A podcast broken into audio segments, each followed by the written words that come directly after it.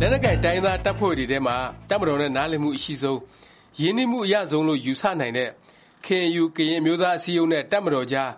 ထိတွေ့တိုက်ပွဲတွေစဖြစ်လာပြီးတစ်ဖက်နဲ့တစ်ဖက်စွတ်စွဲပြစ်တင်မှုတွေရှိလာနေပါတယ်။ပြီးခဲ့တဲ့ဧပြီလ၁၀ရက်နေ့ကတော့တပ်မတော်သတင်းမှန်ပြန်ကြားရေးအဖွဲ့ဟာအဲဒီကရင်ပြည်နယ်ဖာပွန်မြို့နယ်ထဲမှာဖြစ်ပွားခဲ့တဲ့တိုက်ပွဲဖြစ်စဉ်တွေနဲ့ပတ်သက်ပြီးရှည်လျားတဲ့သတင်းထုတ်ပြန်ချက်တစ်ခု မြဝတီသတင်းစာမှာ ဖော်ပြလာပါတယ်။တပ်မတော်သတင်းမှန်ပြန်ကြားရေးအဖွဲ့ရဲ့ ထုတ်ပြန်ချက်မှာ ဘာတွေ ပါသလဲ၊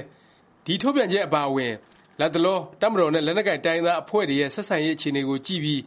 တပ်မတော်ရဲ့ ငြိမ်းချမ်းရေး လုပ်ငန်းစဉ်အပေါ် ထားတဲ့ သဘောထား ပြောင်းလဲစ ပြုလာပြီလား ဆိုတာ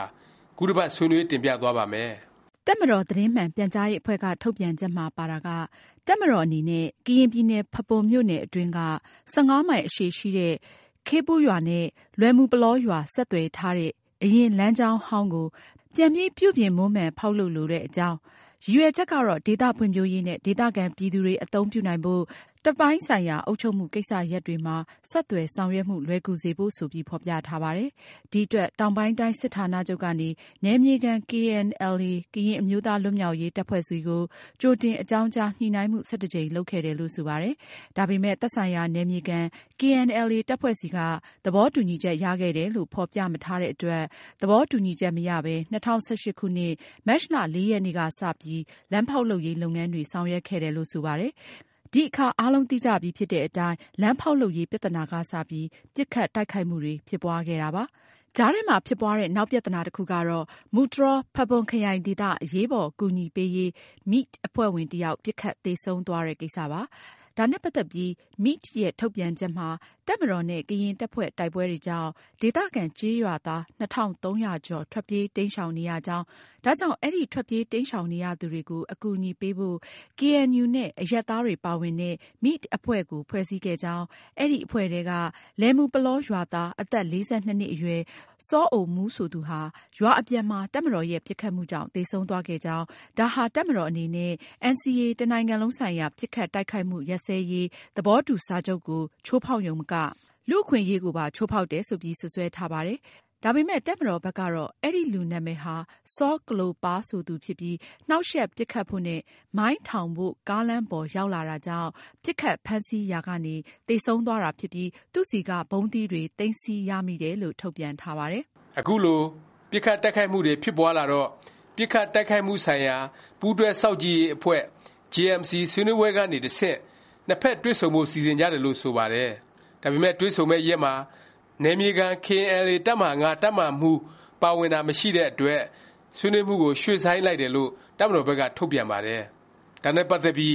KNU ဘက်ကတော့တပ်မတော်နဲ့ညှိနှိုင်းတိုင်ပင်မယ့်ကိစ္စတွေနဲ့ပတ်သက်ပြီးသူတို့ဘက်မှာ MA-ND ဆိုတဲ့အဖွဲ့ဖွဲ့စည်းထားတဲ့အကြောင်း၊အဲဒီအဖွဲ့ဟာ KNLA တစ်ခုလုံးနဲ့တပ်မဟာခုစလုံးကိုကိုယ်စားပြုကြောင်း၊အဲဒီအဖွဲ့ထဲမှာတပ်မတော်ဘက်ကပြောတဲ့တပ်မဟာတပ်မဟာမှူးနဂိုကတည်းကမပါတဲ့အကြောင်း၊ တပ်မတော်နဲ့ညှိမယ့်အထဲမှာ နယ်မြေခံတပ်မဟာအရာရှိတစ်ယောက် ပါဝင်ပြီးဖြစ်တဲ့အကြောင်း ပြန်ပြီး ရှင်းလင်းထားတာ တွေ့ရပါတယ်။တပ်မတော် သတင်းမှန်ပြန်ကြားရေးအဖွဲ့ ထုတ်ပြန်ချက်ရဲ့ နိဂုံးပိုင်းမှာတော့ တပ်မတော်ဘက်ကတော့ တစ်ဖက်ကနေ လမ်းဟောင်းပြုပြင်တာ ဆက်ပြီး ဆောင်ရွက်သွားမှာ ဖြစ်သလို၊အခြားတစ်ဖက်ကလည်း စေ့စပ်ညှိနှိုင်းသွားမယ်လို့ ဖော်ပြခဲ့ပါတယ်။ဒီ ဖြစ်စဉ်တစ်ခုလုံးကို ခြုံငုံသုံးသပ်ကြည့်လိုက်ရင် ကရင်လက်နက်ကိုင်တွေဘက်က သဘောတူချက် မရပဲ တပ်မတော်က လမ်းဖေါက်လုပ်လို့ ထိတွေ့ပစ်ခတ်မှုတွေ ဖြစ်ရတယ်ဆိုတာ ထင်ရှားပါတယ်။ ထိတွေ့မှုတွေဖြစ်တဲ့အတိုင်းလည်း တပ်မတော်ဘက်က လမ်းဖေါက်လုပ်ရေးကို ဆက်ပြီးလုပ်မယ်လို့ အတိအလင်း ကြေငြာတာတွေ့ရပါတယ်။တပ်မတော်ဘက်က အသုံးအနှုန်းကိုကြည့်ရင် ငြိမ်းချမ်းရေး၊တစ်ဖက်နဲ့တစ်ဖက် နားလည်ယုံကြည်မှုရှိရေး ဆိုတာထက် မိမိတပ်များ အုပ်ချုပ်မှုကိစ္စ ဆောင်ရွက်ရာတွင် အဆင်ပြေစေရေး ဆိုတာကို ပိုပြီး ဦးစားပေးပုံရပါတယ်။ ဒီလမ်း ဒေသခံတွေ အသုံးပြုဖို့ ဆိုတာကတော့ သိပ်ပြီး သဘာ၀ မကျလှပါဘူး။အကြောင်းကတော့ လမ်းဖေါက်လို့ ထိတွေ့တိုက်ပွဲဖြစ်ရတာကြောင့် ဒေသခံ ထောင်နဲ့ချီ စစ်ပြေးဒုက္ခသည်တွေဘ၀ ရောက်နေရပြီး ဖြစ်လို့ပါပဲ။ပြောရရင် ဒီလမ်းဖေါက်လုပ်ရေး ပြသနာကြောင့် ရင်းနှီးခဲ့တဲ့၊ယုံကြည်ခဲ့ကြတဲ့ တပ်မတော်နဲ့ ကေအဲန်ယူ အကြား ဆက်ဆံရေးမှာ အဖုအထစ်တွေ ရှိလာပြီ ဆိုတာပါပဲ။ အခြားတစ်ဖက်ကို ကြည့်လိုက်ရင်လည်း တပ်မတော်ဟာ NCA လက်မှတ်ထိုးထားပြီး အမျိုးသားအဆင့် နိုင်ငံရေးဆွေးနွေးပွဲတွေ လုပ်ဖို့ ပြင်နေတဲ့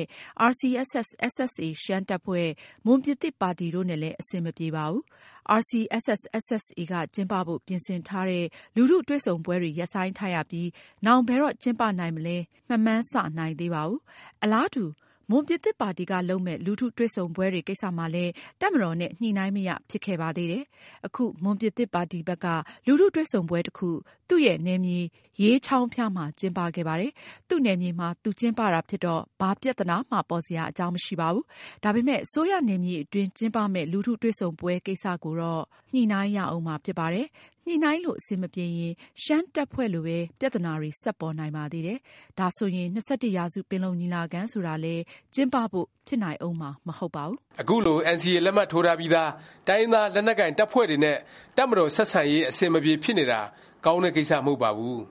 လက်မှတ်ထိုးထားပြီးသားအဖွဲ့တွေတစ်ဖက်နဲ့တစ်ဖက်ပိုပြီးယုံကြည်၊ပိုပြီးရင်းနှီး၊ပိုပြီးနားလည်၊ငြိမ်းချမ်းရေးပိုပြီးခိုင်မာလာရမယ့်အစားသံသယစိတ်တွေကြီးမားတဲ့အရင်အခြေအနေမျိုးပြန်ရောက်သွားစေပါတယ်။လက်ရှိ NCA လက်မှတ်မထိုးသေးတဲ့တိုင်းရင်းသားလက်နက်ကိုင်အဖွဲ့တွေကလည်းဒီအခြေအနေကိုစောင့်ကြည့်နေတဲ့အတွက်အကျိုးဆက်ကမကောင်းနိုင်ပါဘူး။ဒါ့အပြင်လက်ရှိအချိန်ကချင်ပြည်နယ်ထဲမှာတပ်မတော်နဲ့ KIA ကချင်လက်နက်ကိုင်တပ်ဖွဲ့အသေအပျောက်များတဲ့တိုက်ပွဲတွေဖြစ်ပွားနေပါသေးတယ်။ တပ်မတော်ဟာလက်နက်ကိုင်တိုင်းရင်းသားတစ်ဖွဲ့နှစ်ဖွဲ့နဲ့ယုံကြည်မှုမရ၊ပဋိပက္ခဖြစ်ပွားနေတယ်ဆိုတာမျိုးကိုနားလည်လက်ခံလို့ရနိုင်ပေမယ့်အဖွဲ့အများစုနဲ့ထိပ်တိုက်တိုးနေတာမျိုးကတော့မြန်မာနိုင်ငံငြိမ်းချမ်းရေးအတွက်ကောင်းမွန်တဲ့အလားအလာမဟုတ်ပါကြောင်းသုံးသပ်တင်ပြလိုက်ရပါတယ်။